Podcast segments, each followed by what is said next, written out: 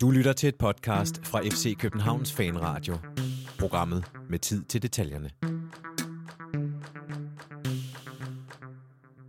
Så blev det tirsdag og ikke mandag, og du har lukket op for FC Københavns Fanradio. Vi sidder med et dugfrisk kampprogram for mesterskabsslutspillet. De næste 10 runder, som løber staben for. Ikke den her weekend, men for næste weekend igen. Og så skal vi selvfølgelig se tilbage på weekendens tre sejre mod Hobro herinde i parken. Velkommen indenfor. Mit navn er Jonathan Folker, og i dag har jeg en gæst. Jonas Christiansen der sidder over for mig. Velkommen til dig, Jonas. Jo, tak. På bordet sidder Kasper og ser sygt koncentreret ud og prøver at få min mikrofon til at lyde ordentligt.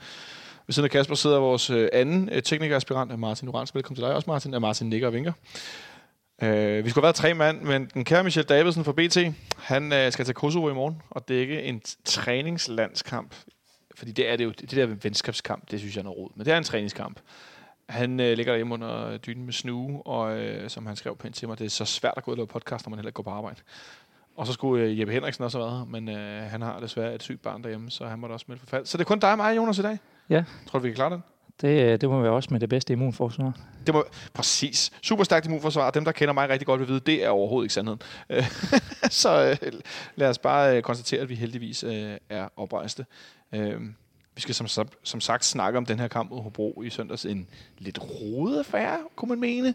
Det var bølget i hvert fald lidt op og ned. Øh, og så skal vi se på det her slutspilsprogram for mesterskabsspillet, som jo er faldet nogen synes godt, øh, nogen synes ikke så godt ud til både til vores fordel, men også til, til nogle af de andre klubber, hvordan det hænger op og ned. Jeg glæder mig i hvert fald rigtig meget.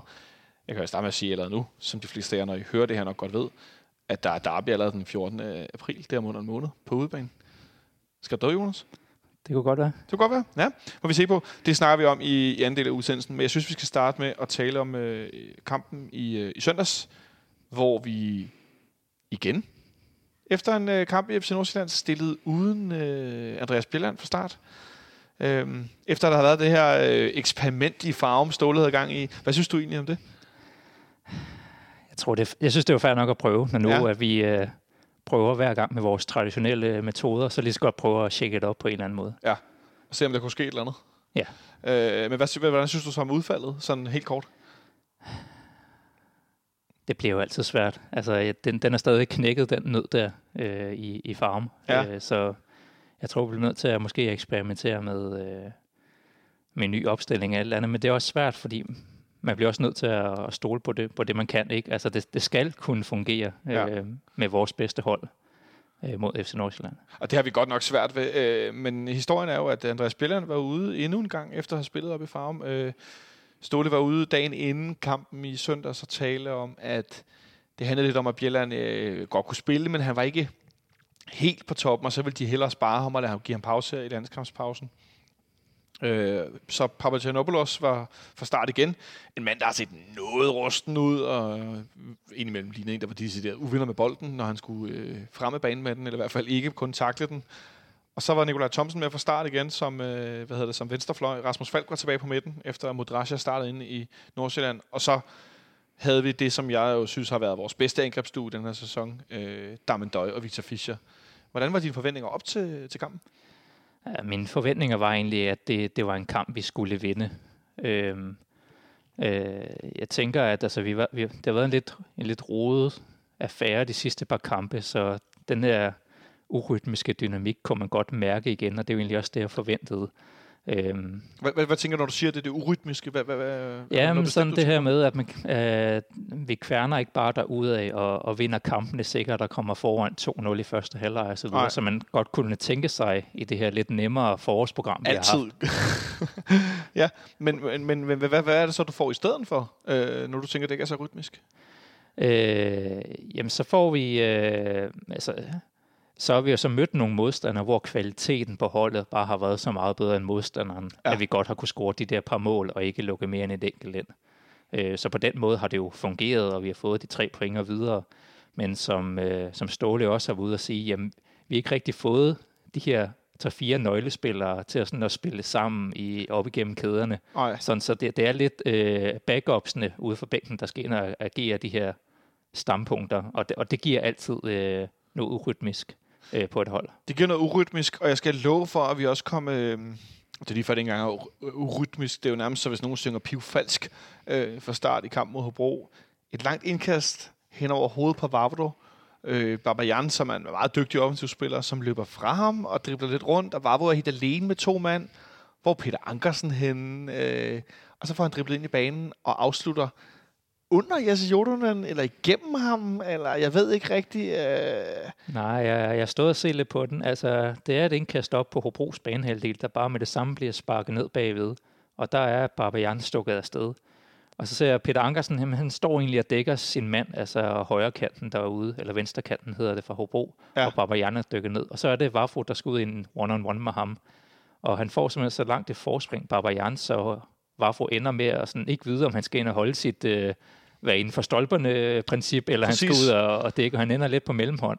Og bliver driblet, så nærmest så han falder stort set, ikke? Præcis, han kan gå på en kropsfinte, øh, og, og ender simpelthen med at skvatte, og så når kun halvt tilbage, og ender faktisk også med at, at ramme bolden, sådan så at jorden heller ikke kan, kan nå at få en ordentlig reaktion på den. Skal han redde den derinde? Nogle af de andre hende har jo været lidt efter ham ja, her i løbet af Jeg, jeg synes, jeg fritager ham på grund af, at uh, Vafro når at ramme den også. Okay. Altså, så han får så kort tid på det. Altså, Benjamin Dane har jo har indgivet udtryk for, at han synes, at Jes Jodonen har opbrugt sin drop kvote for den her sæson. Kan du følge den tanke i forhold til FC København som klub, og hvor, hvor mange point vi skal have, og hvad vores spillere skal kunne præstere på niveau? Ja, det kan jeg godt føle. Jeg føler mig ikke sådan sikker med ham på den måde, i og med, at han er sådan en uh, presence, som bare er der, som, som modstanderne frygter, og som forsvaret føler sig fuldstændig tryg med. Jeg synes ikke, at i, i går var noget, der sådan kommer i den sorte bog på den måde, altså og ligger til den statistik. Altså, det var egentlig en ret neutral kamp for, for Jordan i forhold til hans tillidsbarometer. Ja, det er jeg faktisk ret, ret øh, enig med dig i, at jeg fik nogle beskeder fra folk, der stod andre steder, der sad andre steder og så kampen, der skrev, at de synes, det var et drop. Og nu har jeg også set målet 4-5 gange, og jeg har lidt svært ved at klandre ham for den, så kan vi kigge på vendsyssel og andre forfærdeligheder, men det er i hvert fald ikke der, jeg kigger hen, hvis jeg skal finde et drop af ham. Han har lavet andre ting, jeg synes var langt værd, desværre. Øhm, men en fuldstændig åndssvag start på kampen, og så er det gået tre minutter, og så er vi bagud. Ja. Og det ligner jo noget, vi har set tidligere i tidligere sæsoner øh, hvor vi spiller herinde, og så scorer mindre modstanderklubber stort set på deres første angreb, måske det andet angreb, første afslutning i kampen ofte, og så står vi der og skal skrue op for det her ekstra gear allerede tidligt i kampen. Hvordan synes du, vi kommer efter den her øh, tidlige dukker?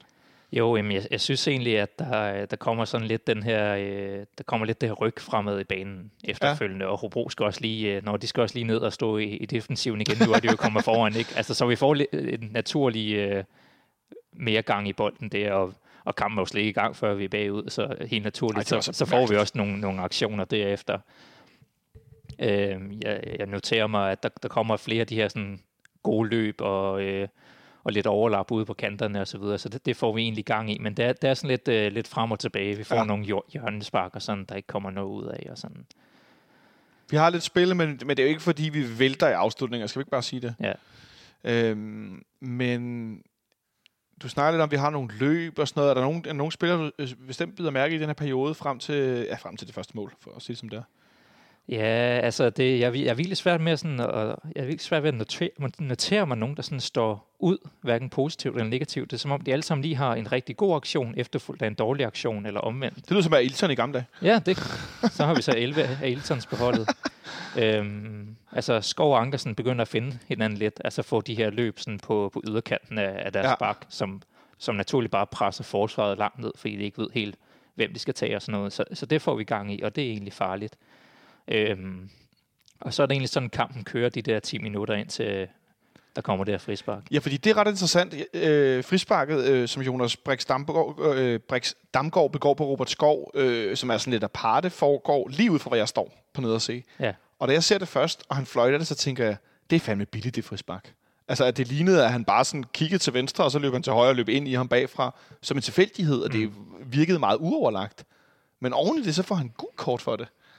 Øh, og når jeg har set det på tv efterfølgende, synes jeg ikke, det er særligt tydeligt, at det skulle være sådan en, altså sådan en skulder albu, eller sådan, at han bare mosler ham ned. Det virker... Øh, ja, det, det virker sgu noget underligt dømt. Det kan godt være, det er bare mig. Øh, men jeg synes, det virker tilfældigt, at han, han løber ind i ham. Ja, jeg, jeg tænker, Brix Damborg, der, han, øh, han er en af dem, som har været dommerens øh, søgelys inden kampen. Man ved jo, de forbereder sig og har, Ja. ja. har øje på nogle bestemte ting. Jeg oh, ja, forestiller godt mig, være. at han har stået i bogen som en af dem der, der godt kan nive lidt og være inde og give en albu, når dommeren ikke ser det. Ja, ja. Og sådan, øh, jeg tænker bare, at han går ind og sætter et eksempel. Altså, læser det som om, at han bevidst løber ind og markerer altså, skov tidligt i kampen, ikke? Men det er så det her med at sætte en stopper for. Det er i hvert fald sådan, jeg læser det, men det er rigtigt, når man sådan ser det, så er det ikke sådan det åbenlyse øh, mor, han begår derinde. Men virker det ikke også mærkeligt med tanke på, at, at der er jo ikke er nogen Superliga-hold, der ikke ved, at de ikke skal begå frispark i en radius af 5 meters afstand til feltet, nærmest helt ud i hjørnerne af feltet. Fordi så har vi altså en mand, der nærmest har straffespark på bolden. Altså, det det er også derfor, jeg tænker, at når en anfører for sådan et hold, der kommer herind, er foran efter tre minutter, og så skulle han bevidst løbe ham ned bagfra i en glansposition til at sparke bolden op i hjørnet. Altså, det virker da underligt. Ja, han må jo have, have tænkt, at han sagtens kunne slippe afsted med det, Ja, hvis, det, hvis det var med vilje. Det kunne han i hvert fald ikke, og øh, for, brug, for at citere den, øh, den relativt nye medkommentator på, øh, på TV3 Sport, Kennedy B. Petersen, den tidligere forsvarsspiller, ej, ej, ej, ej, ej, ej, ej, ej, hvilket var cirka det, han siger, efter at øh, Robert Skov endnu en gang kanonerer bolden op i hjørnet. Nu fortalte du, at du sad derhjemme og så kampen med nogle kammerater. Mm. Hvor meget op ad sofaen fløj? Ja, det er jo bare... Øh, Ej, men for fanden. Hvad jeg, ved, jeg ved snart ikke, hvad vi skal sige om Robert Skov med de her frispark. Øh, Gisle Thorsen, som jo engang imellem er gæst herinde, skrev på sin Twitter-profil, at hvis man havde spillet med flydende udskiftninger i fodbold, så havde Robert Skov spillet i Real Madrid eller Barcelona. Så man sat ham ind, hver gang du havde Ja. frispark, ikke? fordi så havde han scoret en, ja, det ved jeg ikke, 20-30 mål i ja, sæson. det er en specialist, må man sige. Jamen, det, det, altså, det er jo sådan, det, det, det begynder at nærme sig sådan et, øh, jeg får sådan noget NFL-kicker øh, vibe mm. over det, fordi du ved bare, at når manden bliver sat til at sparke, så bliver det enten rigtig, rigtig farligt, eller også er der mål. Ja, nu skal vi ind og have en tre pointer. Det, er- Præcis, det er sådan det sådan et, altså det, det, jeg synes, det er ret imponerende. Vi ser op i farve, man rammer oversiden af overlæggeren på et frispark, hvor Jesper, hvor Ja. Jesper Hansen var lige ved at sige, det er den gamle måde. Nikolaj Larsen han er ikke i nærheden af den. Øh, vi har mod Vendsyssel herinde, hvor Michael Tørnes har en meget, meget stor redning på det ene mm. Robert Skov frispark. Og så kunne jeg blive ved. Altså det er sjældent, at han har en kamp, hvor han ikke er tæt på at skubbe frispark, eller gør det. Ja. Øhm, og nu ved jeg, at vi har snakket om det før, og uh, det her med, at han siger selv, nej, han skal ikke nogen steder og sådan noget. Altså, jeg kan ikke lade være med at tænke, altså, tror du, at vi al, altså allerede nu er nået et punkt med antallet af mål, øh, og antallet af frisparksmål specielt, hvor selvom Robert Skov siger, at han vil gerne blive i FC København, og vi vinder forhåbentlig et mesterskab til, til sommer, så man kan forhåbentlig kvalificere sig ned, til noget Champions League. Tror du, altså, tror du virkelig allerede, det er nu Absons, der taler om nu, fordi han er så god? Ja, det, det, det er virkelig svært, ikke? Fordi altså, der er nogle ting, der trækker den ene og den anden retning med Robert Skov. Det ene er hans måltotaler, den her tydelige frisparks- og dødbolds, øh, og egentlig bare sparketeknik i det hele ja. taget, som han er så god til, at det er for godt til Superligaen, ikke? Klart. Men samtidig så, altså, altså i spillet på banen, øh, er han jo ikke noget, der sådan står ud. Altså, der er en spiller som Victor Fischer er jo væsentligt højere i niveau. Ja. Altså, han, han har stadig problemer med at gå forbi en mand one-on-one, altså når han står stående Ja. ja. øh, og sådan nogle ting. Altså, han er selvfølgelig kommet med, og han bliver bedre og bedre, og på et tidspunkt så bliver det også for godt. Ja. Øh, men jeg tror, at Men tror du ikke, der er nogen, der tænker, det der, det kan vi lære ham? helt sikkert, Men vi skal have det der ind, fordi han, en, mens Fischer har været skadet, og Bøjlesen har spillet venstrebakken indtil han blev skadet, der sparkede han også hjørnesparkene. Og dem skal jeg love for, dem sparkede han også mm. Rimelig godt fra begge sider. Nu øh, sparker Pierre Bengtsson faktisk noget med i, i, her i søndags, ganske glimrende for øvrigt. Øhm, men han, vi har set, at han kan sparke hjørnespark, han kan sparke frisparkene. Du er selv inde på det med langskuddene, hvor han også scorer et... mm. Ikke scorer, men han sparker et langskud også i, i Ja. stillinger 1-1, hvis jeg ikke tager meget fejl. ja, en gang i anden halvleg. Ja. Ja, hvor han også, altså hvor den lige til sidst dykker en meter nærmest, ikke? og rammer i, i bagerst i nettaget, hvor at Jesper Rask ind i Hobro-målet. Den redder han sgu ikke, hvis den var overlæggeren, vel? Altså at, og han er begyndt at kunne lave indlæg med højre benet også, mm. Kunne hjælpe mig at gå den anden vej, så nu ved de ikke helt, hvordan de skal dække, fordi Robert Skov ved godt, at de står to mand og venter på, han trækker ind som sådan en øh, mørkhåret Ejn Robben fra Midtjylland, hvad det vil sige, fra Silkeborg, ikke? Men nu går han også den anden vej. Altså, øh, jeg tænker, det, det, det, det, jeg, er ikke, jeg er ikke så vild med at skyde ham afsted for 150 millioner, Nej, når nej. folk snakker om i vinter, så jeg gjorde det sikkert også, så vil jeg gerne sige, det beklager jeg. Der er han selvfølgelig ikke, men mm. Mm. jeg synes bare, det er ved at nå en form, som er meget, meget svær at, at holde nede. Jo, det er rigtigt, og han har også han har helt klart frygten for, for Superliga-forsvarerne nu, lige nu. Jeg tror bare ikke, at han er, han er der ikke der nu, hvor han kan gå direkte ind i Bundesligaen eller Premier League. Nej. at gøre det samme. Han kan selvfølgelig sparke sin frispark og, og score en fem mål på det. Så det, det er lige det der, jeg tror, hvis du sidder som øh, mangeårig scout derude og kigger ind i Y-Scout og alle dine ting og så være, Ja, ja, klart. så, at, så, så trækker det de der forskellige retninger, men fodboldverdenen er også bare sådan, at der, der sidder garanteret to-tre klubber derude, der er klar til at lægge de 100 millioner, bare på grund af den statistik der. Ja. Og så må vi jo se, om det er noget, vi siger ja tak til eller ej. Vi må se, hvad der sker. Øh, Vi kan godt springe det, det der og sige. Det, der så desværre sker i anden halvleg, er, at øh, Robert Skov bliver voldsomt flæsket øh, af en øh, Hobro-spiller. Hvad hedder han? Det skal jeg lige se her. Ja, Martin Mikkelsen. Martin Mikkelsen er, som får ramt meget voldsomt ind i ham. Og han ligger ned et stykke tid og bliver behandlet, og vi står også der, hvor jeg står på nede og ser sådan, uh, ja, det ser ikke godt ud, det der. Og går så ud skadet nogle minutter efter. Mm. Øhm, heldigvis var det højre øh, ben, han tog sig til. Det var noget af det første, jeg lagde mærke til. Jeg blev helt rolig. Det skal satme ikke være det der venstre ben. Øh, og går så ud med en skade, og det viser sig, at han har forstrukket et ledbånd. Var det sådan, det var? Ja, jeg nåede ikke at læse det i de her GDPR-tider. Jeg, Jeg, ikke, jeg, det- tror, jeg tror, det var et forstrukket ledbånd. Jeg er ikke helt sikker.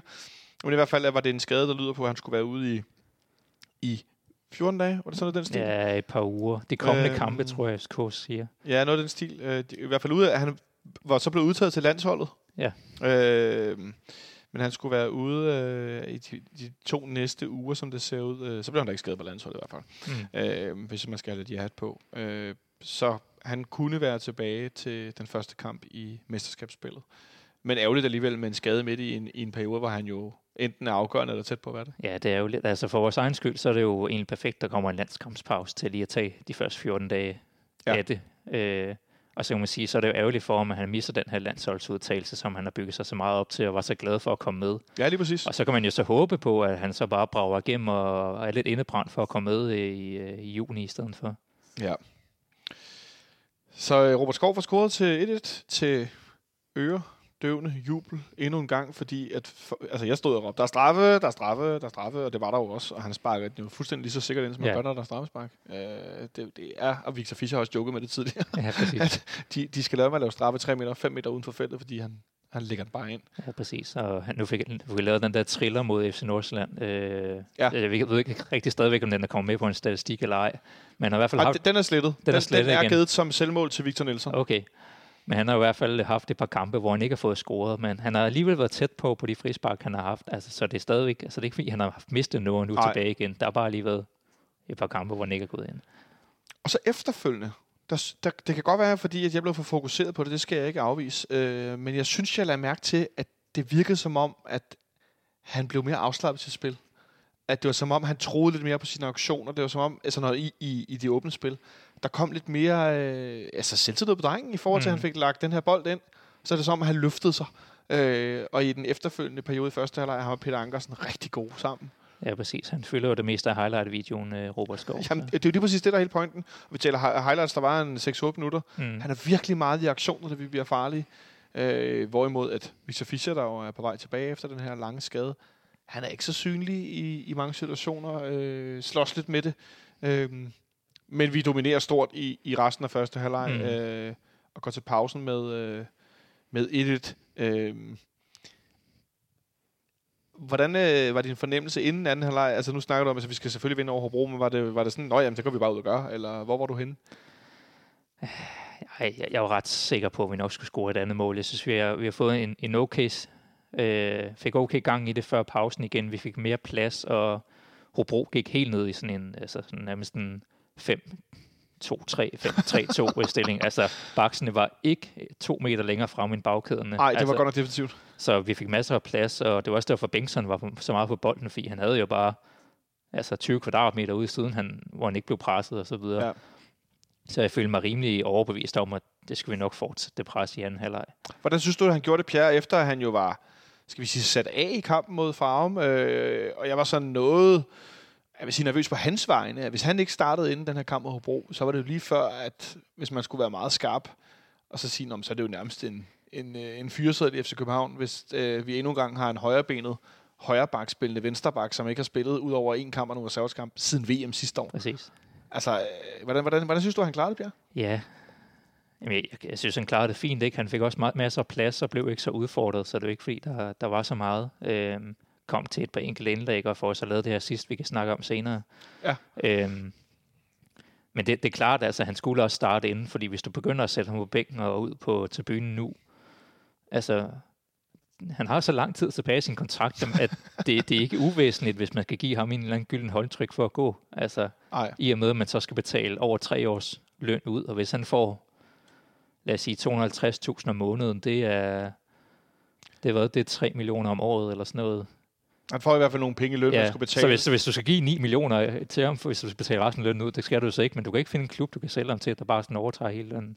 Nej, men det, jeg tænker også, øh, nu, nu blev Bøjlesen skadet endnu en gang. Mm. Øh, vi har jo to forsvarsspillere, den her venstre side af forsvaret, som slås med, med småskader. Andreas Bjelland har jo været kendt for det, og nu har vi så også fået lov at opleve det nogle gange herinde. Øh, og så, altså, så, så nu ser vi så endnu en gang, at, at Bøjlesen også er skadet, øh, så det er vel også et, et parameter, vi skal have, hvad hedder det, vi skal have Pierre Bengtsson altså i spilleform i en mm. eller anden grad, fordi vi kan ikke bare regne med, at Bøjlesen spiller alle kampene. Nej, og jeg tror egentlig, at han er i spilleform. Jeg tror simpelthen bare, at det, det er hans niveau lige nu. Altså, det er, det er okay defensivt, og det er ret kedeligt offensivt, men vi må bare sådan forvente, at det er sådan, hans niveau er, og, og det må så gå til at være en backup for Bøjlesen. Men det er klart, skal, skal han til at spille en længere periode som fast starter, så, så er det problematisk. Ja, det er jeg meget enig med dig i. Jeg synes faktisk, han gjorde det ganske hederligt i, i søndags. Og der blev også råbt bagfra, det var jeg står pludselig på et tidspunkt. Hvad er det, der sker? Pierre spiller jo rent faktisk i anden halvleg, øh, som et meget godt billede på. Mm. Han har været lidt prykkelknap, også begrundet især efter Vendsysselkamp, hvor han spillede helt forfærdeligt i den her anden halvleg. Men at han faktisk i, i søndags gjorde det, gjorde, det, gjorde det ok, synes jeg. Præcis, og, og Thompson og, og Fischer bagefter bliver også bedre til at, ligesom at trække ind i banen, så der kommer pladsen derude til ham øh, og få, få lukket et par spillere væk. Så på den måde bliver han også spillet god i, i den her kamp. Hvad siger du til Nikolaj Thomsen, som øh, igen, ja, nu har jeg ikke lige talt på det, men jeg kan i hvert fald komme på de første to gange, han bliver udskiftet i pausen. Hvis ikke det er flere løb af sæsonen, det er det nok, mm. gætter jeg på. Øh, bliver udskiftet i, i pausen endnu en gang. Det er sådan lidt den gamle øh, Yusuf Tutu, øh, hvad skal man sige, øh, sådan en doktrin med en fløjspiller, der ikke gør det godt nok, der bliver udskiftet i pausen, så man kan enten sætte en angriber ind og rokere på midtbanen, eller sætte en, en ny fløj ind, eller gå over til en 3-5-2 med Per Bengtsson. Øh, og bliver taget ud efter endnu en ja, sløj indsats. Ja, altså det, øh, han, er, han er helt væk i starten, og det, det bliver lidt bedre efter en, den halve time.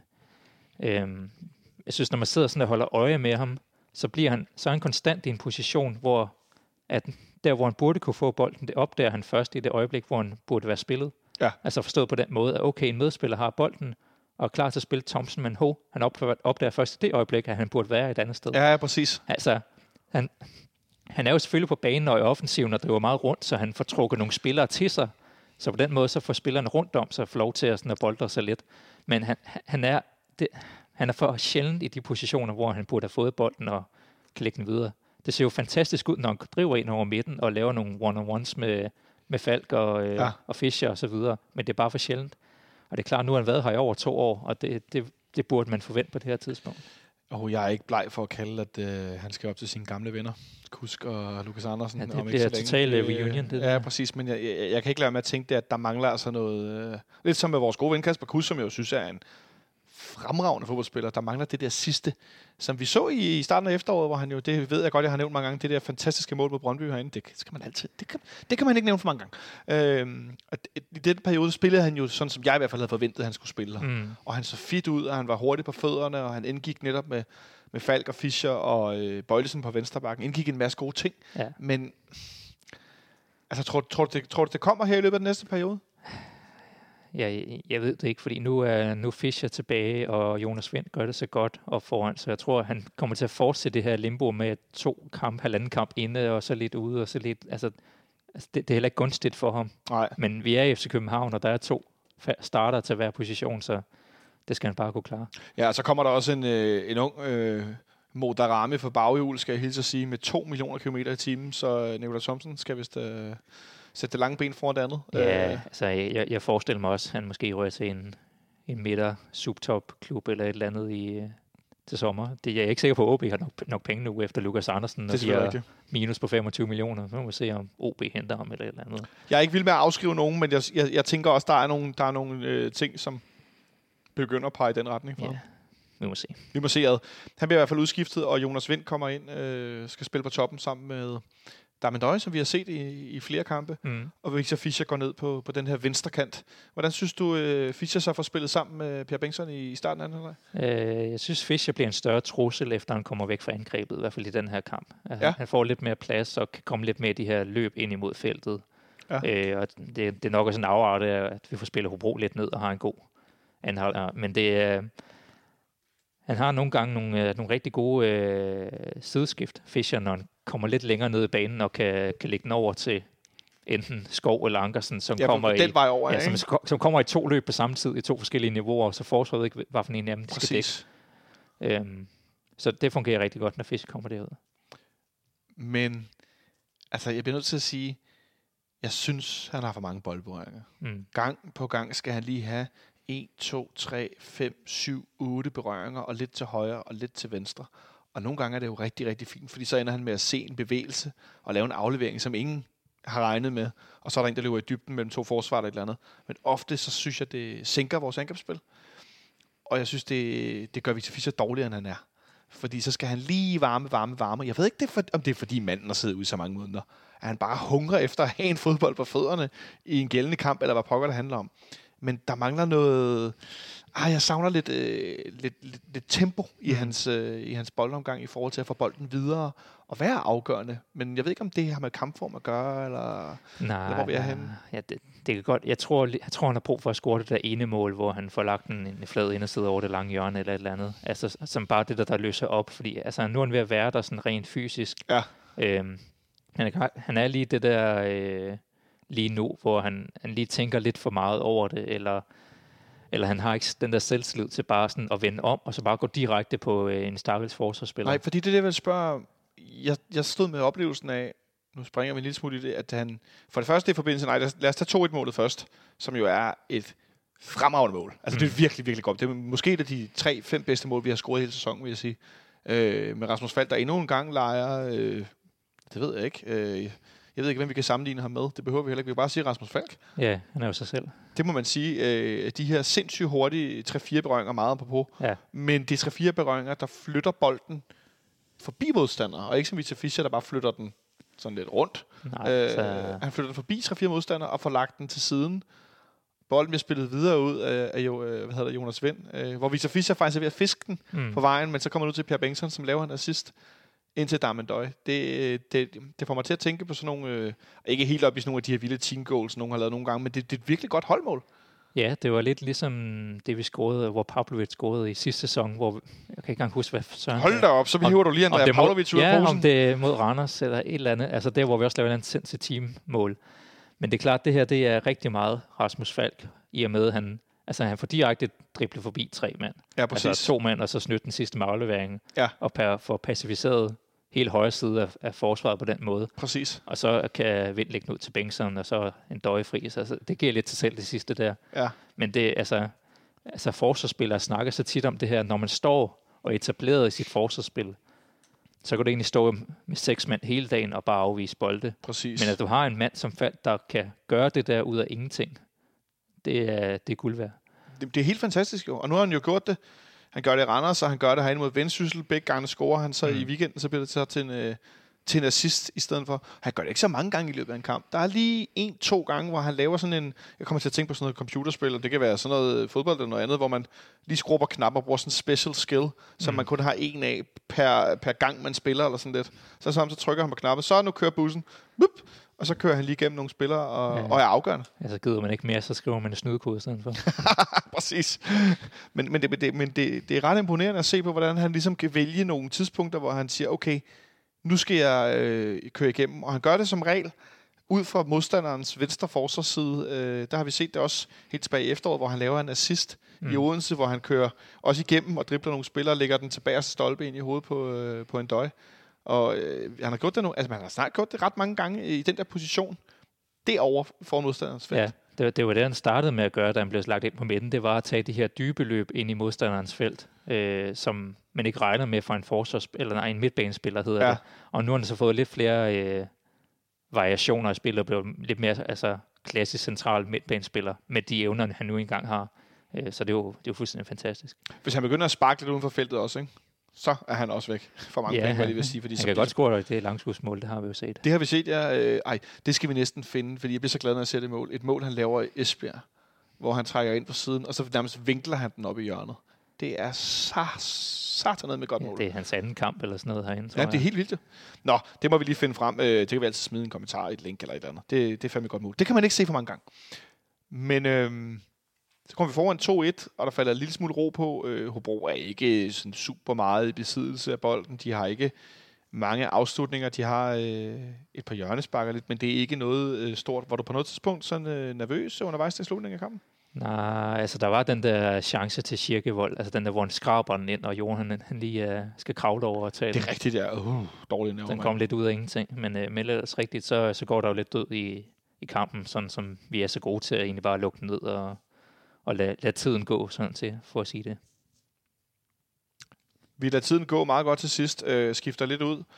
Og så har vi jo øh, noget, vi har ikke haft i sidste par kampe, øh, netop at øh, Robert Skov desværre bliver skadet.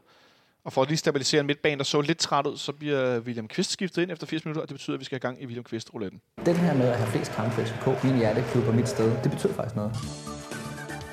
Hun opnået flest kampe for Kenyan største klub igen. Altså det, det synes jeg er et fedt skuld at gøre. Rouletten. Godt. Og William Kvist-rouletten fungerer jo på den måde, at øh, vi øh, tager en øh, random number generator, og så smider vi øh, den i afsted, så den finder et nummer. Og så tager vi ud af de 419 kampe, William Kvist nu op på, og så får jeg et nummer ned fra Kasper, der har trykket på number generatoren, og han giver mig nummer. Han drejer en skærm rundt her. Jeg læner mig over til højre. Nummer 223. Og det var nummer 223, og ifølge Nepsostat, så er det, Bango, Ja, præcis. Og så er der, der er sidegevinster. Det er... Ej, det er sgu kedeligt. Det er den 11. 4. 2010 kl. 16. Vi spiller ud mod Randers. Der er 7.612 tilskuere. Emil Laversen, den skaldede mand, er dommer. Og vi taber 1-0 på et mål af Mikkel Bækman. Nej. Det er så skidt. det er sådan en rigtig Randers udkamp. Det er garanteret regnet af, af Pommern. Men 11. 4. 2010, det er meget interessant, at det er jo en periode, hvor vi er virkelig gode. Ja, det er jo lige øh, i... Det er foråret, inden vi spiller Champions League i efteråret Ja, 2010. præcis. Der er vi altså, øh, der, der, er vi, der, er vi, der, undskyld mig, men der er vi fandme et godt fodboldhold. Øh, og alligevel så taber vi, øh, mener Mikkel Bækman scorer et mål, hvor han ligger den op i det lange hjørne. Ja. Hvis jeg ikke tager meget fejl. Der er ingen noter på Nipsostat, ingenting. Jeg kan fortælle, at den ene linjevogter hedder Palle Utsen.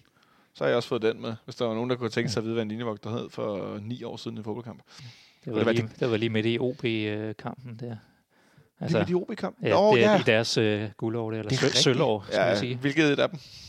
Ja, tre af dem, men det, Nej, må du, det gider jeg ikke dvæle. Det er sjovt at dvæle ved en, ved en uh, William-kamp, hvor, hvor vi har vundet. Dem er der heldigvis rigtig, rigtig mange af. Nå, det vender vi tilbage til William en anden gang. Det tager vi næste gang, du er på banen. Men uh, han kommer på banen. Vi får lidt mere ro på spillet. Hobro har lidt en periode der, hvor de presser lidt og har noget angreb. Uh, og så skifter vi Victor Fischer ud og til sidst. Der er noget mat i koderne og sætter Mohamed Darami ind. Inden det, der når Victor Fischer at have en kæmpe chance, Jonas. Og nu talte Ja. du om tidligere, at han skal putte den ind med indersiden. Jeg ved ikke, om det var den, du tænkte på. ja, fordi det, det er netop det, han prøver på. Altså man kan godt se, når man får den i slow, at han opdager, at der er lige et hul under armhulen på målmanden, men det er simpelthen for, for småt det hul til, at for han kan åbenlyst måske i virkeligheden. Jeg tænkte, det var sådan, at den der afslutning, den stod i avisen i går. Altså, der var ikke nogen, der var i tvivl om, at han ville bøje kroppen til venstre og afslutte til højre, sådan mm. Mm. lidt gevind. Men det blev ikke yderligt nok, eller hvad man skal sige. Øh, Nej. og han var nærmest ved at krybe ind i sin trøje efterfølgende. Det vidste han godt, den var, den var skidt. Ja, men, Øh. men man savner lidt den der Victor Fischer, der bare ved, at han scorer hver gang, han kommer i den situation. Og, ikke? og vi ved det. Ja, Jeg, jeg nåede også at sige mål, og så brændte han den. Det var meget uvandt. Det har jeg sgu ikke prøvet. nej. Øh, det, det, det var en lidt mærkværdig situation. Men tror du, det handler om den her lange skade? Eller hvad, hvad, hvad? Altså, nej altså, Man man, har også de der to op i Nordsjælland, hvor han ikke får løbet helt ned til målet, og får den stusset mærkeligt over. Og... ja, vi, vi så jo i sommer efter VM, at han ja. også lige skulle i gang med sæsonen. Han skulle lige score det der mål over i Hobro, altså, hvor han også virkelig skulle altså, lige juble lidt inderligt først, før Ja. kammeraterne kom ind. Jeg tror, det, jeg tror bare, det er den, han har brug for. Fordi han, han er lige ved at være der, men det, ja, Der mangler lige det sidste, men øh, som, som øh, stor Victor Fischer-fan, så har jeg ret stor tiltro til, at det nok skal Men det var også lidt en, det var også en lidt en underlig skade, han havde. Altså man kunne høre på Ståle, at han også var sådan lidt, jamen, nu har det været på 90 procent i, i en måned. Altså hvornår kommer de sidste 10 procent? At man Ja. ja. følte sig ikke helt klar. Jeg ved ikke, om der har været lidt psykisk i det også. Altså sådan, han er ikke helt at føle sig tryg i det. Men tænk, Jonas, at vi sidder mere eller mindre taler om Victor Fischer, der ligner en, der mangler selvtillid. Har du nogensinde i din vildeste fantasi forestillet dig, at vi skulle tale om det? Nej. Altså, Det er jo mand, det er jo mand, der virker som, om han var ejer af alle lokaler, også dem man ikke er gået ind i nu. Ikke? Altså, øh, det, så at han pludselig udstråler mangel på selvtillid i en eller anden grad. Det, det, sy- det er for mig øh, nærmest chokerende. Ja, og han, han kommer jo ind øh, midt i øh, en af klubbens dårligste sæsoner i mands minde, og skal være helten, og ender med at bare score mål og assist øh, efter hinanden. Og så bliver han skadet, og så kører der, går der ligesom et par måneder, hvor holdet klarer sig fint uden ham. Altså, Robert Skov bliver stjernen. Det har man alle snakker om. Ingen savner Victor Fischer på holdet. Ah. selvfølgelig, selvfølgelig gør vi Ah. det. Men altså, forstå mig ret. Altså, det går. Altså, og, og så bliver Victor Fischer mere en, en bonus, end det, det bliver sådan Tror det, tror du, det er det, der handler om, at han ikke længere er manden lige midten? jeg ved det ikke. Jeg prøver bare sådan at forstå psykologien bagved det. Altså, det, gør, det, det kræver nok ikke mere, end at han lige får scoret den chance alligevel. Ikke? Men altså, Ej, så bliver han automatisk mand lige midten ja, igen. det, er, det er de øh, små dynamikker i fodbold. Jeg Ja. tror, han går utrolig meget op i, altså, at, at han er han er the man. Og han er fandme også god til at være det, skulle jeg så sige. Så øh, det kan jeg godt. Det må han gerne gøre for min skyld. Der kommer en chance igen om, øh, om lidt under 14 dages tid. Mm. Øh, han bliver skiftet ud. Vores unge, jeg vil ikke kalde ham komedie nu, men lad, hvad kan vi kalde ham? Stjerne i spe, stjernefrø, øh, talent. Jeg ved ikke helt, hvad vi skal sige. Øh, der er ikke nogen tvivl om, den kære Mohamed Darami, han har nogle helt exceptionelle kvaliteter. Nu, fik han, nu kommer han så ind i de 86 minutter, får en 7-8 minutter på banen Mm. og er ved at score to gange. Øh, der nåede jeg også at juble ved den ene af dem, der tænker jeg, så den der, der er mål, den første ja. af dem. Så Jesper Rask for, i Hobro-målet får faktisk lavet to ret store redninger til Mm. sidst i kampen med en målmand, som jeg synes er noget øh, øh, tvivlsom, øh, vil, vil jeg mene. Øh, Ja, han er nok en nede halvdel af målmand, men øh, ja, han får dem lige reddet. Og det er jo lidt, at Drama ikke lige kan få den der ene scoring nu, han har været været så inde godt. omkring. Ja. Øh, en ting var, at jeg, var, jeg, jeg havde det rimelig godt med kampen var vundet, fordi Jonas Vind scorede til, til 3-1, efter at Jesper Rask får gået mærkeligt ud til en bold, og den bliver clearet på tværs. Og, ja, det er forsvarsspilleren, der får den takle, mens han er ved at samle den op, og så er der bare frit mål til, til Vind der. og så får Jonas Vind scoret igen. Ja, Fem mål til Jonas Vind i Superliga-sæsonen indtil nu. det, det er ganske hederligt. Det må Øh, man da sige. Og han, og Øh. han ligner jo en, en, han er jo en fast starter nu. Altså, det er jo fuldstændig, det er vildt så mange gange nu at prøve at notere ned alle de gange, hvor han gør en eller anden god aktion eller laver et godt oplæg. Ja. Han er, han er en fantastisk opspilstation, og er virkelig blevet det. Har du, har du listet, eller hvad siger du? Så prøv, prøv at nævne nogle af dem. Nej, altså, jeg, øh, jeg har jo bare skrevet ned i løbet af kampen, ikke? Altså, øh, jeg tror, altså, ja, han kommer ind i, i pausen, ikke? Jeg har skrevet god, tek- god teknik af Jonas Vind efter et par minutter, og øh, godt spil øh, fra skov til vind. Øh, det er der, hvor han prøver at afslutte, den bliver lidt langt væk. Øh, fantastisk opspilstation øh, igen. Han er en del af målet, han, er en, han scorer mål nummer to, og han er rigtig god til sådan at, han, han, han lader den der, det vi mangler siden Santander, Ja, til at have den der, du altid kan spille den op på. Han gør det bare i fødderne i stedet for med brystkassen. og det har vi jo så en ved siden af, som er stor som et skur, der gør i stedet for. vil Ja, præcis, men bolden rører lidt mere fra en døje. Ja. Altså, nogle gange går det godt, andre gange går det ikke, men Jonas Vind er en fantastisk opspilstation. Hans første berøring er, er vel way above Superliga-niveau, Præcis, øh, som det. og han kan godt lave de der to, øh, et to øh, ting med bolden, ikke? så han også lige får, får sat den første mand, der, der prøver at takke den væk fra ham. Og så har vi set ham også score med højrebenet, og Ja. med venstrebenet, øh, og med hovedet for den sags skyld. Øh, der er en stor alsidighed i hans, øh, hans muligheder for at afslutte, hvilket vel også er ret exceptionelt i dag. Det er sjældent, vi ser angriber, der, der på den måde, jeg ved ikke, om det er intuitivt, men afslutter sådan relativt komfortabelt med begge ben. Præcis, og, og han er jo, altså nu er han jo rigtig ung og kommet ud af talentakademiet, og man kan jo godt se, at han er en af de her moderne angrebsspillere, der Ja. kan lidt af det hele, og i virkeligheden nok er bedre i opspillet, end han er i, altså som sådan den der killer op Ja. ja. foran. Altså, jeg kan godt forestille mig, at han er sådan en, der kommer til at, hvis han spiller fast, score 10-15 mål på en sæson, måske ikke mere, men han er bare utrolig god som bindeled for hele angrebet, og kan være det her opspilstation. Altså, du mærker ikke, at Fischer går væk fra angrebet. Nej. Altså, vi har stadigvæk lige så godt opspil øh, deroppe. Og det er jo fantastisk med en mand, som øh, lige er fyldt 20, er det sådan Ja. der? Og det, Øh. øh, det, er jo- det er jo det, vi mærker, når, når Piers kommer op i angrebet. Altså, så ryger der lidt flere bolde væk. Ja. Altså, det sker ikke med Jonas Vind. Nej, og, og det, altså, han, han er fyldt øh, 20, øh, 7. februar, kan jeg jo sige. Ja. Øh, så det, vi taler ikke om en etableret seniorspiller, vi taler om en, en meget ung spiller, øh, som ikke er nået øh, særlig langt i, i sin udvikling. Nej, man skal jo nå de der 100 kampe eller sådan noget, for at man sådan kan kalde sin fast spiller. Det er typisk det, man når, når man er en 2, 3, 24. Øh, så det venter vi jo stadigvæk på. Og øh, jeg kan så sige, at ifølge Nipsostat, så har Jonas Vind spillet hele 25 kampe for FC København. det er så imponerende. Det vil jeg godt have lov at sige. Øh, og så varmer det jo også, som du selv er inde på, Jonas, at han er jo øh, gammel KB-dreng. Ikke? Ja, og han har jo allerede billedet ude på, øh, på bannerne med hans øh. Hans, øh, hans, hans fingerhilsen til, til, til, til Brøndby, øh, det kan vi også altid godt lige nævne. Øh, han var scoret til 3-1, kampen er rimelig lukket. Kan vi tillade os at klandre Darami for ikke at score et mål på en af de to afslutninger? Øh, Når han er så ung, eller skal vi bare sige, prøv at hvis du er god nok til at komme ind, så er du også god nok til jeg, at tror, score? jeg tror på hans anden chance, hvor han kommer fra kanten, der vil jeg næsten hellere have, at han bare laver det simple assist til en døje og, og viser det overskud. Fordi der er egentlig plads til, at han kan lægge den til siden og, og ja. lave det assist, og så samle den op i stedet for at prøve den lidt svære afslutning. Der skal Øh, skrues ind. der skal skrues meget med højre der. Ja. Men det er klart, at han, han begynder, begy- begynder måske også at tænke lidt meget over, at nu er han den næste stjerne, og nu skal han også ind og, og få det her på statistikken. Også. Men omvendt, hvad synes du, du siger om hans selvtillid, når han er så ung, at han alligevel går efter den her afslutning i det lange hjørne, og øh, altså, som jeg ser det, tænker når, når vi er ude sådan noget, når, jamen det, det prøver jeg bare, fordi det kan jeg jo godt, øh, det kan jeg jo godt øh, finde ud af det her. Det, den skal nok gå ind. Ja, præcis. Og det, det er også sjovt at følge ham på, på Instagram og sådan noget, hvor man bare ser, at han er jo bare en, uh, han er jo en teenager, der bare går sammen med drengene. Og, Ja. Han er altså 17 år og, Ja. ja. på måneden. Han har som sagt fødselsdag i januar 2002. Prøv det over det engang. ja. Puh, jeg føler mig gammel lige pludselig.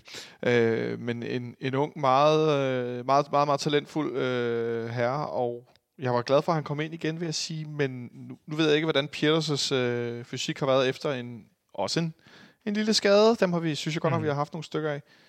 Men han er godt nok langt frem. Nu starter ind mod Nordsjælland, kommer ind i weekenden også. Øh, Ja, og, det, det er længe siden, jeg kan huske, at Ståle måske også har spekuleret lidt i det strategiske ved at lave indskiftninger hvad på, tænker på du? en langsigtet. Altså både det her med at, at give ham nogle kampe, så han føler, at han er en del af det. Altså det hele handler om, om han skal forlænge kontrakten eller sælges mm. til sommer og alt det her.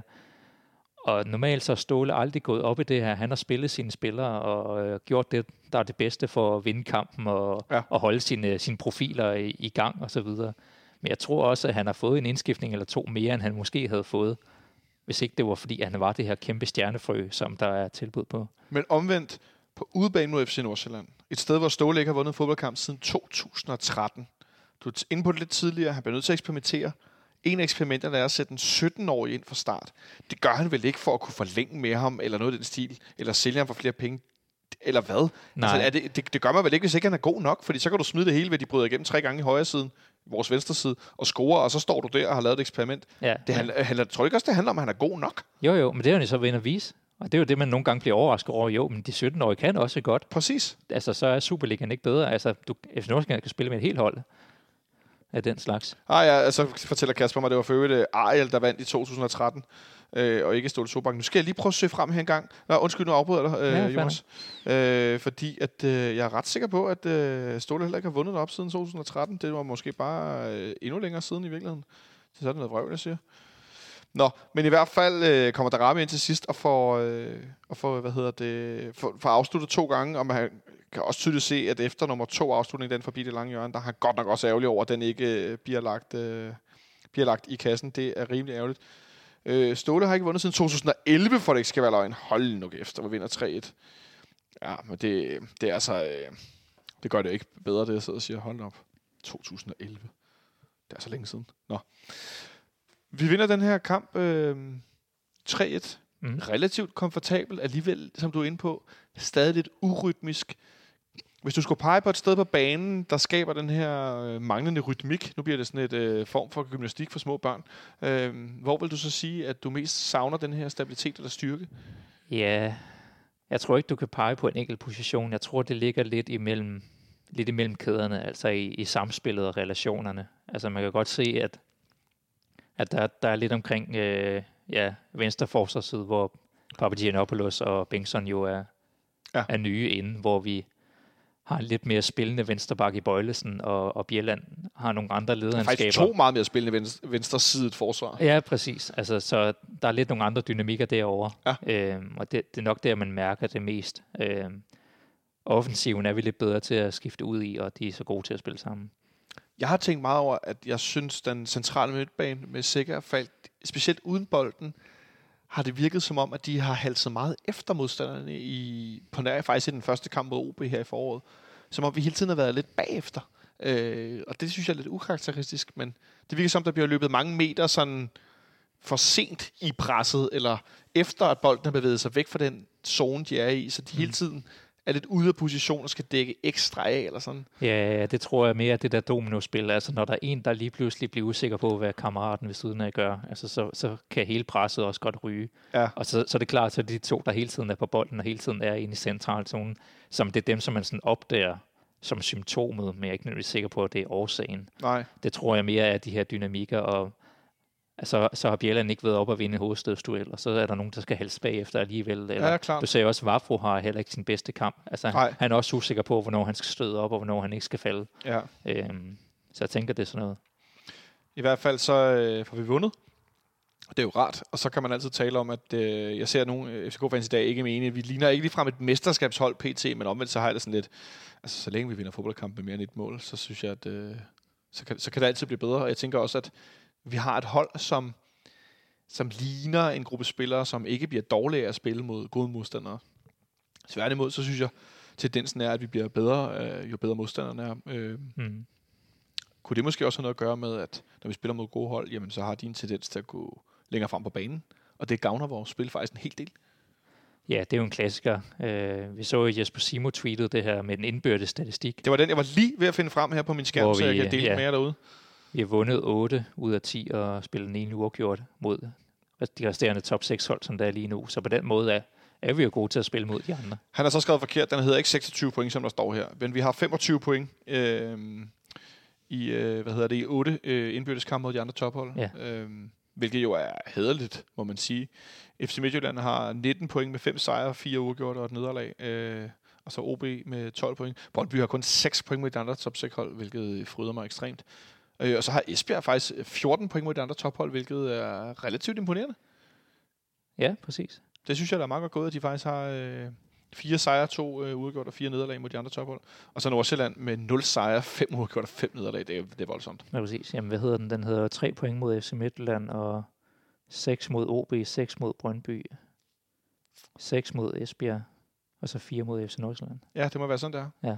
Det er, det, er, det er i hvert fald noget, der gør mig tryg, men jeg, jeg synes, det er lidt et billede på, at det måske vi har haft, haft sværest ved at have været det her med at skulle nedbryde nogen, der står meget defensivt, men når der bliver spillet bold mod os, eller med os, som vi ser mod OB i den første kamp i foråret, nogen, der går lidt frem på banen, jamen så, øh, som vi også så faktisk i efteråret, AGF gør øh, en kamp herinde, så skal vi sgu nok få scoret nogle mål. Ja, det er jo en klassiker. Altså, øh, det er klart, de, de træder mere op på frem på banen, og det er klart, når vi er på udebane mod Brøndby eller mod FC Midtjylland, så vil de jo også føle, at de er nødt til at presse sig fremad og, og spille sig op på den her måde. Så, så, så der hjælper det helt sikkert. Men jeg tror også, at, at vi- vi er bare sat op til at spille mod rigtig gode modstandere. Det er egentlig det, som hele altså strategien og taktikken er bygget op på. Altså hele det her med at kunne spille i Europa og være, være mere fysisk dominerende, have en stram bagkæde og så videre. Det fungerer Godt virkelig. udtryk, stram Ja. bagkæde. Jamen det, Er det sådan en cykeludtryk, eller hvor er vi henne, du?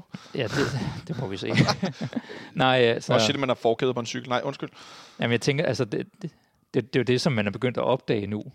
Det her med, at vi skal også have et hold, der kan vinde mod ja. de dårlige modstandere på de dårlige dage. Det er det, FC Midtjylland er så gode til. Bare at vinde en masse sejre, mens vi jo er bygget op til at spille mod nogen, der er, der er lige så gode, hvis ikke bedre end os selv, og stadigvæk kunne slå dem. Så på den måde, når vi møder de andre tophold, jamen, så er vi egentlig sat op til den type kampe. Det kan man sige, det har Midtjylland øh, svært ved, i hvert fald når det kommer til at spille i, i Europa. Der er deres U19-hold øh, noget bedre, som slog Manchester Uniteds U19-hold Ja. noget Youth League forleden. Men meget interessant, når du nævner det med at spille mod nogen, der er bedre end en selv. Hvor vi jo i efteråret havde nogle problemer med Slavia Prag i to omgange, som nu her i en fuldstændig vanvids Europa League-kamp forleden slår Sevilla ud i, efter forlænget med 2-2 på hjemmebane og udebane. Øh, en gammel Esbjerg-kenden, Mick van Buren, kunne hjælpe med at score en af de afgørende mål. Øh, Ja. En spiller, der var skadet, da vi mødte dem.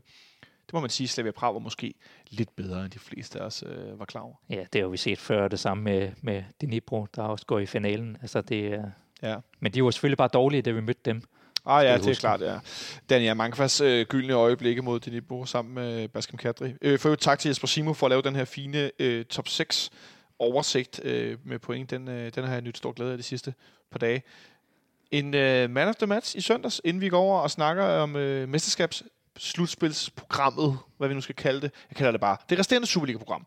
Øh, om et. Hvem er din øh, man of the match for i søndags? Ja, jeg, jeg ledte efter dem, fordi der var rigtig mange, der havde både gode og dårlige aktioner. Øh, Jeg tror, jeg endte på, på Rasmus Falk over hele kampen. Ja. Han, øh, når, når du ser ham sådan bare hele tiden i aktion og gør sig hele tiden spilbar. Og det er nemt nok, hvis man ligger som en William Kvist nede i midtercirklen, og så er Ja, man ja. altid spilbar. Men Falk er der også op på den sidste tredjedel. Så det, er- det er egentlig fantastisk. Og så har han den her, ja, dåseåbner til et forsvar, som er så fantastisk lige nu. Så jeg giver den ham. Ved du hvad? Det synes jeg er ret sjovt, for jeg tænkte, du måske ville sige Robert Skov, eller sådan et eller andet, som, som ja, det var sjovt, da han scorede på frispark, så var der også allerede en ved siden af mig, der sagde, kan man spille på ham, det er man of the match, fordi det, han bliver der stemt ind af publikum i parken.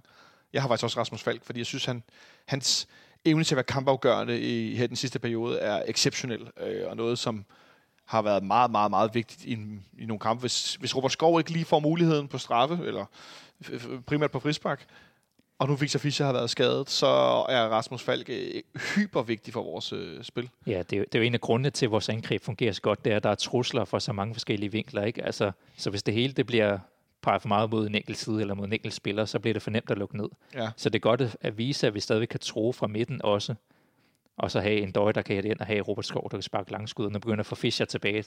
Altså, så begynder det at fungere igen. Nu lyder det rigtig godt. Øh, så lad os øh, bare konstatere, at øh, hvis endelig Robert Skov skulle blive skadet, så er det meget godt timet. Det er lige oven i en pause, fordi at, øh, ham vil altså nødt at undvære. Selvfølgelig Superligans topscorer. On that note, så tror jeg, at vi om et øjeblik snakker om øh, slutspillet i øh, Superligaen. Godt. Vi skal se øh, frem mod øh, slutspillet om et øjeblik. Der er øh, i dag, efter lidt forsinkelse, blevet offentliggjort et kampprogram. Inden vi skal det, så skal jeg lige minde om, at hvis du er medlem af FC Københavns Fanklub, så er der torsdag den 28. indkaldt til officiel generalforsamling her i fanklubben. Den foregår hernede i fanklubbens lokaler kl. Øh, 19. Torsdag den 28. marts. Så hvis du er medlem af fanklubben og øh, synes, at det er fedt at være involveret i, i hvad hedder sådan noget, øh, det FC Københavnske fagmiljø, og godt kan lide at vide, hvad der foregår i, hvad hedder det, i fanklubben og ellers, og så videre, så synes jeg, du skal tage og troppe op og ned. Det kan jeg godt anbefale. Og så udover det, så har FC Københavns Fanklub også her, øh, i forbindelse med det her slutspilsprogram, allerede nu øh, lagt nogle øh, udbaneture på, øh, på, deres, øh, på deres hjemmeside. Der kommer blandt andet noget bus til Brøndby og nogle forskellige ting, så det kan du, øh, det kan du gå ind og tjekke ud. Jeg kan se her, der er en bus til Odense, og der er bus til Brøndby, og så er der de unge løvertur igen til Farum, som der også var her forleden. Der var i hvert fald nogle børn deroppe, det var ret hyggeligt. Jeg så nogle, øh, nogle poder, der kom ud af en bus. Og så kommer der også en bustur til Herning, og så selvfølgelig til Esbjerg. Nogle af kampene er ikke helt fastlagt på grund af noget pokalfinale. eller noget. Det kommer vi på om et øjeblik. Endelig fik Divisionsforeningen lavet det her program. Tak for det, skal de have. Så vi ved, at øh, allerede nu her øh, i runde 27, som er om næste weekend igen, at der skal vi på hjemmebane mod Esbjerg kl. kl. 16 om søndagen. Altså møde Esbjerg i den første slutspilskamp. Det er jo rart at starte hjemme, så de fleste af os, øh, hvis man vil på udebane eller vil se kamp på stadion, man ikke skal gøre sig en masse hurtige foranstaltninger i forhold til, øh, i forhold til at skulle, øh, skulle afsted. Altså nu under jeg jo ikke Brøndby noget. Men at de allerede næste fredag skal spille kl. 19, eller nej, OB, skal det er jo så selvfølgelig OB, men at de skal spille sig udebanekamp fredag kl. 19 med så kort varsel. Altså jeg synes, det er problematisk. Jeg synes, det er at holde folk lidt for nar, og, øh, og AGF, øh, altså Vejle AGF, der er så ikke så langt. Det samme med Sønderjyske Horsens, øh, det, det er sådan søndag kl. 18, men den der mandagskamp, nu har AGF en mandagskamp igen. Igen, igen, igen, igen, igen, igen. Øh, jeg synes godt det er synd øh, for Superligaen og for de fans, som gerne vil være på stadion og følge deres hold, både på hjemmebane og udebane. Øh, det, det, alt andet lige, det, det gør det altså ikke øh, super nemt for nogen. Ja, præcis. Det er jo fordi AGF, det ligger lige det der smørhul mellem de mest sete klubber, og så lige lidt nedunder, så de, de er ligesom et lok til det der tredje valg der. Ja, prøv lige at rette den her mikrofon ind, så de kan høre dig. Du skal bare bøje lidt på armen. Prøv at sige noget. Yes. Er du på? Er der lyd igennem? Det skulle det gerne. Nej, vi er to i studiet. Skide godt. Det er skide godt, Jonas. Bare fortsæt. Men AGF ligger lige i smørhullet, får du sagt. Ja, præcis. Altså, de har lige det øh, antal tilskuere eller seere, der, der stod for de andre, så de har ligesom det, det samme faste tidspunkt uge efter uge.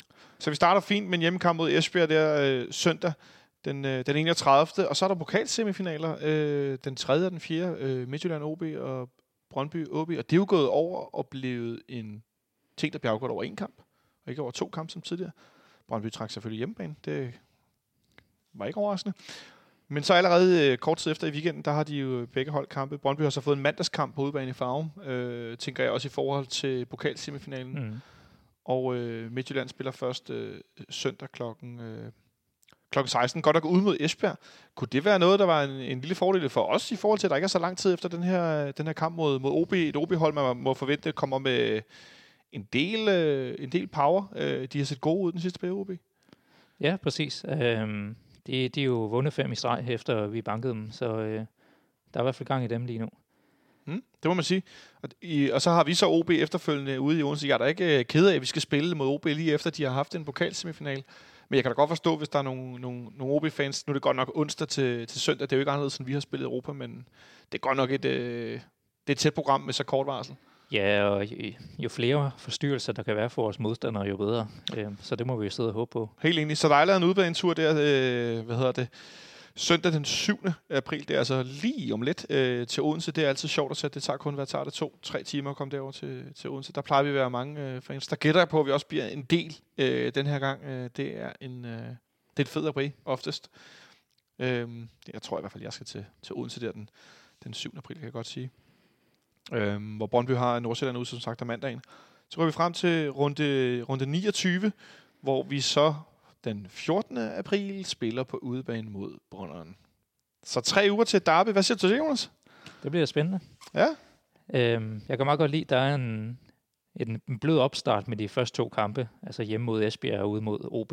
Ja. Nu er der ikke nogen nemme kampe i slutspillet her. i De, de nemmeste er de svære, kan vi sige det? Ja, præcis. Det skal man jo skille ad. Så der er ikke nogen walkovers. Der er ikke nogen, hvor du bare kan sige, her får vi tre point. Nej. Og skal have det. Øh, men på den måde, når nu det skal være, så er det jo to bløde kampe, vi starter på, og så har vi jo så den her påske, der starter med Derby ude. Vi har nemlig lige præcis, øh, hvad hedder, hedder det, Palmesøndag? Ja, gør det ikke det? Jo, det er påske, øh, søndag inden påske. Jeg er ikke så stærk i øh, helligdag Ja. og kristendom, kan jeg godt afsløre, hvis nogen bare var en my i tvivl derude. Øh, så har vi så Brøndby ude, hvor at øh, Midtjylland møder øh, OB, også om søndagen. Øh, de får mødt OB nogle gange i den der periode, mm. og OB får spillet både mod os og frem og tilbage. Der er godt kanal, kanal på. Og så har vi anden kamp i, i påsken, eller hvad skal man sige, i den egentlige påske. Der er to runder i år. Øh, det var de væk fra i nogle år med noget, noget der var noget kvalifikation til VM Ja, i og nogle der, runder i nogle år. ja, vi har Øh, ramt ind i nogle landskampspauser de sidste par påsker, så det, og det, det er altså kedeligt. det er dejligt at have en, en rigtig Superliga-påske tilbage i, i forårsprogrammet. Også fordi så er der sindssygt meget fodbold i tv. Øh, der er kun lige nogle, nogle af de katolske lande i Sydeuropa, der er lidt noget med nogle dage, man ikke spiller osv., men der er virkelig mange øh, fodboldkampe i, i tv i løbet af påsken, hvilket jo er herligt for dem af os, der ser, ser meget fodbold. Mm. Og der har vi simpelthen været så heldige, at vi har fået i den første påskerunde om torsdagen kl. 18 på hjemmebane mod FC Midtjylland. Ja, det er jo den første direkte finale imod dem på hjemmebane. Ja, Og så må vi gøre ligesom det, vi gør det i Europa. Så starter vi med at møde dem hjemme. ja præcis. Hvad siger du til det? Øh, et derby ude, og så går der, øh, går der fire dage, og så har vi Midtjylland på hjemmebane. Ja, det, det er jo sådan, det er. Vi skal være klar øh, hver tredje dag i, i den. Altså, og så bliver vi nødt til at sætte øh, taktikken op på, på den måde. Øh, og så må vi jo håbe, at vi på det tidspunkt har fået vores spillere tilbage, så det ikke er sådan noget med, at vi har tre-fire mand småskader, der skal humpe lidt fra kamp til kamp. Der kan man sige, det er lige før det med vores lidt smalle trup en, en, øh, en fordel, at vi ikke er i en pokalsemifinal, den der midtuge øh, tidligt i, i slutspils hvad skal man sige, sekvensen, for så kunne vi godt nok godt gå hen og blive noget presset på, øh, på, på mandskab. Mm. Øhm, så en, en Midtjylland finale, kan vi vel kalde det her, skal torsdag et par dage efter et, øh, en Brøndby-kamp ude. Øh, og så for det ikke skal være løgn, så, øh, så er der også øh, runde anden påskedag, øh, eller søndag, mandag, tirsdag hedder den så, hvor vi om mandagen øh, skal til Farum igen. Så vi har lige de tre sværeste kampe øh, i rip, rap og rup. Øh, Ja. Godt nok den ene på hjemmebane. Det hvis tænkt, hvis det havde været tre udebanekampe. Ej, det, det kunne jeg ikke forestille mig. Så skal vi igen op på kunstgræssen. Øh, få dage efter en hård Midtjylland-kamp. Øh, og det, det her lyder måske underligt, og så må du sige til mig, hvis jeg er skør. Det er ikke første gang, jeg hører det. Jeg frygter næsten den der Nordsjælland-kamp mere Mm. end de to andre. Jamen, det kan jeg godt følge dig i. Nå, åh, tak. Det, det var meget ret. Øh, men kan du så prøve at forklare, hvorfor du er enig med mig? Ja, men det er fordi, det, det er jo bare det der med, at når man skal over en stor mental udfordring, som bliver de to første kampe, og så bare blive ved med at skulle sætte sig op, og sætte sig op, og sætte sig op, det er det, der godt kan blive svært. Og jeg, jeg tror, det er der, hvor det her, det, øh, det, her, det her program, det skal man se lidt mere som, var det et europæisk gruppespil, Ja. hvor man regner lidt på, hvor kan man godt tillade sig at spille en uafgjort, Ja. snarere end at man ser det som om 10 finaler, der bare skal vindes. Ja. Og hvis man taber, så er man ude. Det, det tror jeg, det er mentalt, så man er nødt til at sætte det op. Men det er klart, at man kender det fra Premier League, det her med, at du kan ikke vinde mesterskabet i juleprogrammet, men du kan sagtens tabe det. Ja, Og det er jo lidt sådan, Superliga-påsken er. Så det bliver rigtig afgørende, den her træ. Så du kan ikke vinde Superligaen i påsken, men du kan godt tabe den. Ja, Det må være dagens citat, der står ud for, når man er enkeltstående gæster. Det skulle meget stærkt at hive sådan en op af jeg hatten. tror, jeg stjålet et sted fra, men det... jeg Nå, men det er stærkt nok at, at hive den op alligevel. Ja, ja. Øh, det synes jeg er meget, øh, meget godt set. Men jeg tror, for mit vedkommende handler det også om, at, at netop nu fik jeg endda sagt 13, og Kasper fik korrigeret mig. Altså, at Sobank har ikke vundet en kamp op i Farum siden 2011. Det, det, og det bliver bare sindssygt afgørende øh, efter en kamp hen mod FC Midtjylland, at vi så selvfølgelig går ud og, og forhåbentlig bibeholder et, en eller anden form for momentum. Øh, det, det sted, hvor vi har aller, eller ja, det sted, et af de to stadions, vi har svær, sværest ved at spille overhovedet, eller nok det sted i, i Danmark, hvor vi har det sværest. For det, det er den længe, længerevarende periode, vi ikke har, har vundet kamp der. Ja, præcis. Og også fordi, at øh, vi ved jo, at det i mesterskabsslutspillet, og fordi FCK og FCM er så tætte, så vil de konstant fra uge til uge blive forholdt til, hvordan ligger de i forhold til hinanden, og, og nu er vi bagud, nu er vi foran, og så Ja. videre.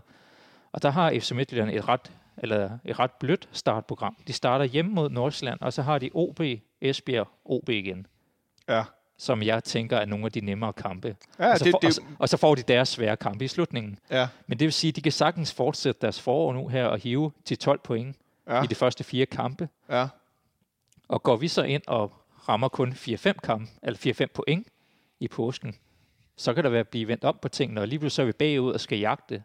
Så det er voldsomt vigtigt, at vi hænger på, selvom det bliver tre svære kampe i, starten. Og så den her anden påske, påskedags runde, øh, mandag den 22. i 4., der har øh, Midtjylland så øh, hjemmebane mod øh, Brøndby, for det ikke skal være løgn. Ja, Øh, så der bliver godt nok spillet nogle indbyrdes øh, topkampe, siger jeg. Selvom at, at Brøndby er jo, øh, er jo ikke lige nu den største konkurrent. De har kun fået de her 6 point mod de andre top 6 hold. Bliver femmer i, i det her grundspil. Øh, tro, altså undervurderer vi OB lidt i den her sammenhæng, i forhold til, hvor meget de kan gå ind og påvirke?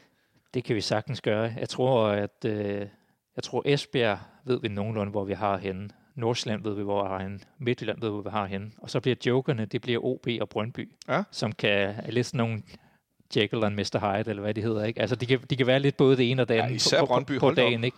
Altså, vi ved ikke, hvor det ender, og hvordan de reagerer efter, nu er de kommet i top 6, og Ja. nu begynder de at lægge op til, hvem skal være den nye træner og så videre. Altså, mister de koncentrationen, eller går de op og, og får et eller andet stort form øh, stigning? Det, det ved vi ikke.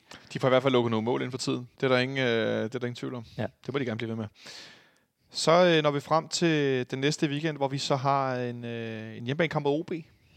Øh, Brøndby spiller i, hjemme mod Esbjerg, og så skal øh, Midtjylland til, til Farum. Et sted, hvor de har fået afsindig mange point i den sidste periode. Jeg mener, den hedder 15 ud af 13 mulige i de sidste, øh, i de sidste fem kampe, hvis jeg ikke tager meget 15 ud af 13 muligt. Nej, 13 ud af 15 mulige, undskyld. Ja. Øh, hvilket er relativt, at det andet havde Ja, været ekstremt imponerende. Man skulle tro det.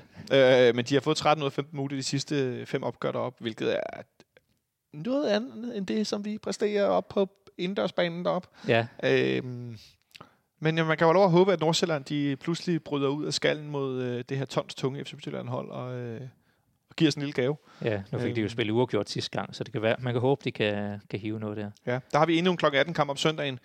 Man kan godt se, at kampprogrammet bærer lidt præg af, at FC Midtjylland og FC København ligger i den her, øh, den her hvad skal man sige, tvikkamp om, om mesterskabet. Øh, ud fra, at vi har mange af de her givetige søndags kl. 16 eller 18 øh, kampe. Ja, præcis. Og, og så må den her hjemmekamp mod OB være den puster, vi får imellem påsken og så de næste to kampe. Ja, fordi øh, det, der så sker, er, at øh, runde 33 er ikke fastlagt helt endnu.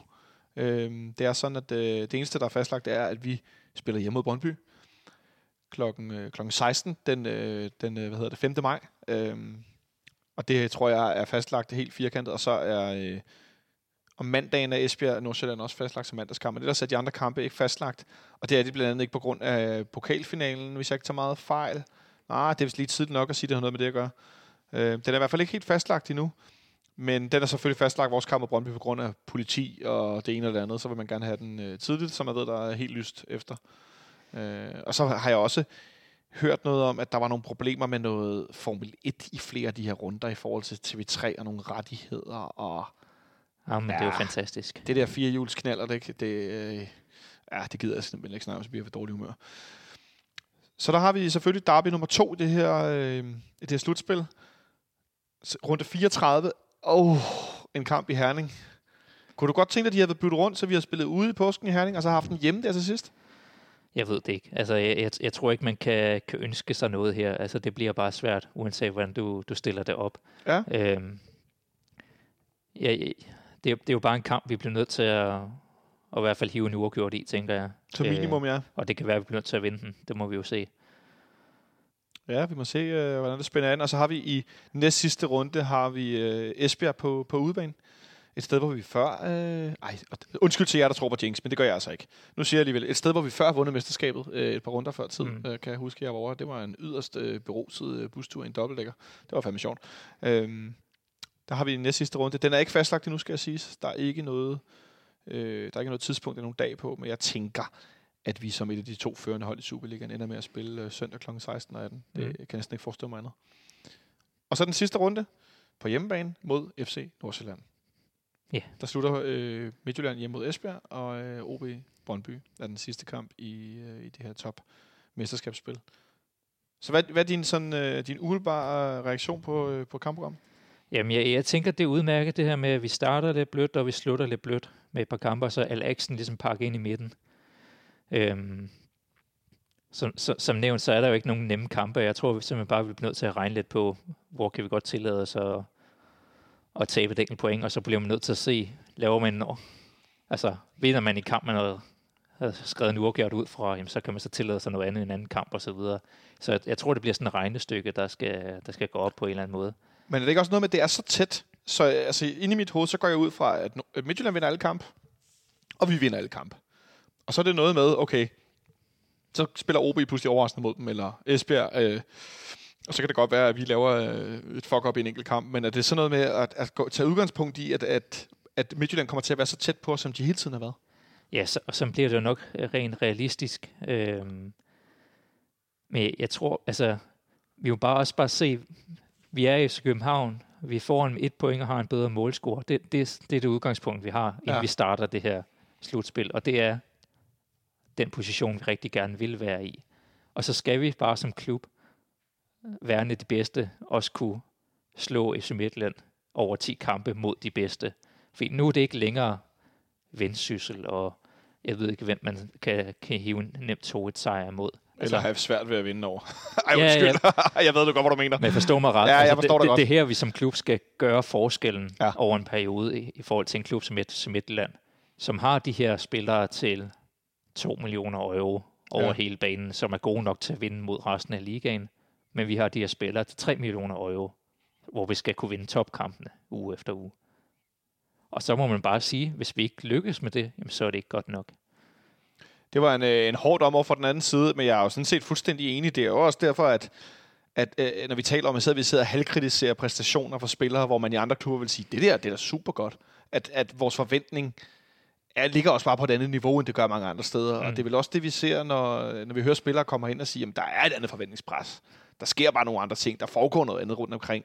Både når du træner med journalister og så videre, når du spiller kamp. Og, altså, det, det foregår bare på en anden måde. Ja, præcis. Og så skal det her bare, det kan godt være, at de andre taler rigtig meget op om det her, det mesterskabsslutspil, og Brøndby laver den der top 6 øh, tur, de smed ud på Twitter med, nu, nu skal vi rundt i hele landet, som var det Tour de France. Det her, det skal være hverdag for os. Vores kampe, det ligger på den anden side af sommerferien i det europæiske. Det er det, som får vores spænding til at stige. Det her, det er, det er hverdagskost. Rugbrødet, hvor vigtigt bliver de to øh, indbyrdes kampe mod FC Midtjylland samlet set, tror du? Hvor mange, hvis du skulle sætte noget procent på? Bare sådan, øh, det er jo ikke fordi, det, du bliver bundet op på det, men øh, hvor, hvor, hvor vigtigt tror du, det bliver? 20 procent, så er det to kampe ud af...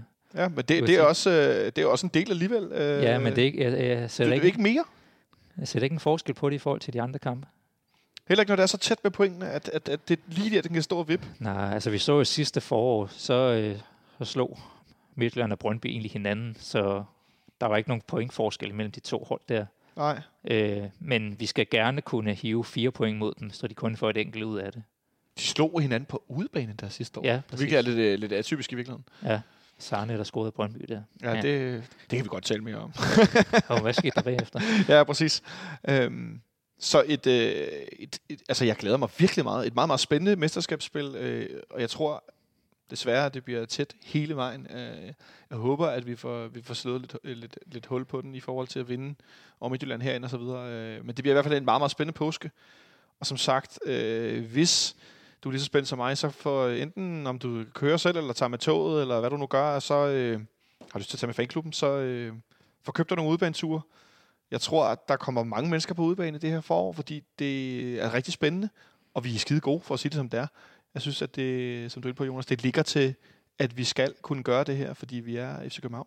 Ja, og der er jo bare rigtig meget boys i Superligaen lige nu, fordi der er både der er mesterskabskampen, men også at samtlige fire andre klubber i, i mesterskabsslutspil egentlig kan nå bronzen. Så det bliver også utrolig spændende. Og der, Ja. er, den- der er den ene af puljerne over i nedrykningsspillet, som også er ret tæt. Så Jeg, har, jeg har ikke engang set, hvad de der puljer er blevet, fordi jeg har kun kigget på vores eget ja. Kampprogram, og hvornår skal vi spille derby, og hvornår skal vi ikke. det er jo sådan noget med, at man kan dele dem op i nord og syd, alt efter øh, klubberne. Det er sjovt. rigtigt. De kører noget øh, Vendsyssel, Horsens, øh, Randers. Er det sådan noget? Øh, det, det- det er stort set delt op øh, den der vej rundt. Ja, Ja, det må de selv slå os med. Det kan være, at jeg kommer til at se det på en kedelig fredag. Eller noget af den stil. Skal vi sige, det var det? Nu fik vi både vendt det ene og det andet og det tredje og det fjerde. Jeg fik reklameret for fanklubben, og jeg ved satme ikke hvad. Vi skal være kede af, at Robert Skov er ude med en skade. Åke Harald fik sagt, at han skulle have landsholdsdebut.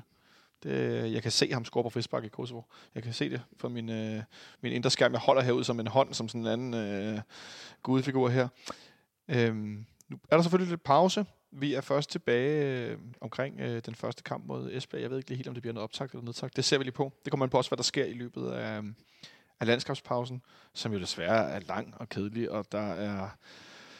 Åh, der er lidt kamp her den ene dag den anden dag. Der er i morgen onsdag, er der jo 21 mod, mod Belgien. Den kan- kunne man se, med, øh, hvis man var interesseret i at se, om Jonas Vind får noget spiltid. ja, det kunne sagtens være. Ja. Øh, men ellers så er landskampspauserne jo bare de momenter i, i sæsonen, hvor man får lavet noget andet. Og Folk tager på ferie. Og, ja, set nogle lidt fjerne venner og lidt af de der serier, man aldrig får set. Og så Den der familie, man har glemt fandtes. Og, Og, ja. Så kan man da også på torsdag se den her venskabs... Jeg kan godt lide på sofabold.dk, en side, der for er meget anbefalingsværdig, mm. Også som app på din smartphone. Så har de øh, venskabskamp, skråstreg træningskamp mod Kosovo, for ligesom at øh, køre den helt øh, 100% ind kl. 19. Og så spiller Danmark jo også en kvalifikationskamp øh, her længere nede. Øh, hvad hedder Øh, På det? tirsdag, tror jeg det er. Er det på tirsdag? Jeg kan ikke engang huske, hvornår det, hvornår det er. Der er også noget 21 mod Frankrig den ene dag om søndagen, og så spiller Danmark igen om tirsdagen på udbane mod Schweiz kl. 20.45 i den, første kvalifikationskamp til VM. Som, nej, til Euro 2020 selvfølgelig, det er mig, der røvler. Øhm, så øhm, den kan man måske se, hvis der er man øh, helt for abstinent, så det ender jeg jo med at gøre, fordi der skal jo se noget fodbold. Altså, hvor jeg kedeligt jeg synes, det er. Kender du det? Ja. Så ender man med at se det alligevel. Ja. Sidder man og sapper lidt rundt. Ja. Ja, ja, præcis. Vi må se om, øh, hvad hedder de, øh, Discovery eller Kanal 5, øh, de har jo øh, haft kørende det her Euro, øh, men det var vist mest kvalifikation til Nations League, at de kørte sådan en kanal, hvor man så højde- højdepunkter for de forskellige kampe. Det var faktisk ret fint. Nå, Øh, ligesom de har haft i Champions League også. Ja, lige præcis. Øh, det håber jeg, at de genoptager til de her kvalifikationsrunder, for det var ret fedt at kunne følge lidt med. Så det, det håber jeg, de gør. Nå, så fik vi vist også plapret færdigt. Jonas, tak fordi du kiggede forbi. Tak. Det var en udsøgt fornøjelse. Tak til Kasper for bøjen, og tak til Martin for at sidde med på en lytter. Tak til dig derude, fordi du lyttede med, og måske endda donerede en 5 eller en 10 på tier.dk. Det sætter vi stadig kæmpe stor pris på. Øhm, jeg håber, I nyder landskabspausen, og får, øh, som sagt får vasket jeres sure sokker og får besøgt jeres familie, hvad det ellers kan bruge den her FC København fri tid på. Vi lyttes ved øh, en gang i næste uge. Vi skal nok vende tilbage på Twitter og Facebook omkring, hvornår øh, vi er tilbage i den. Ha' det godt så længe.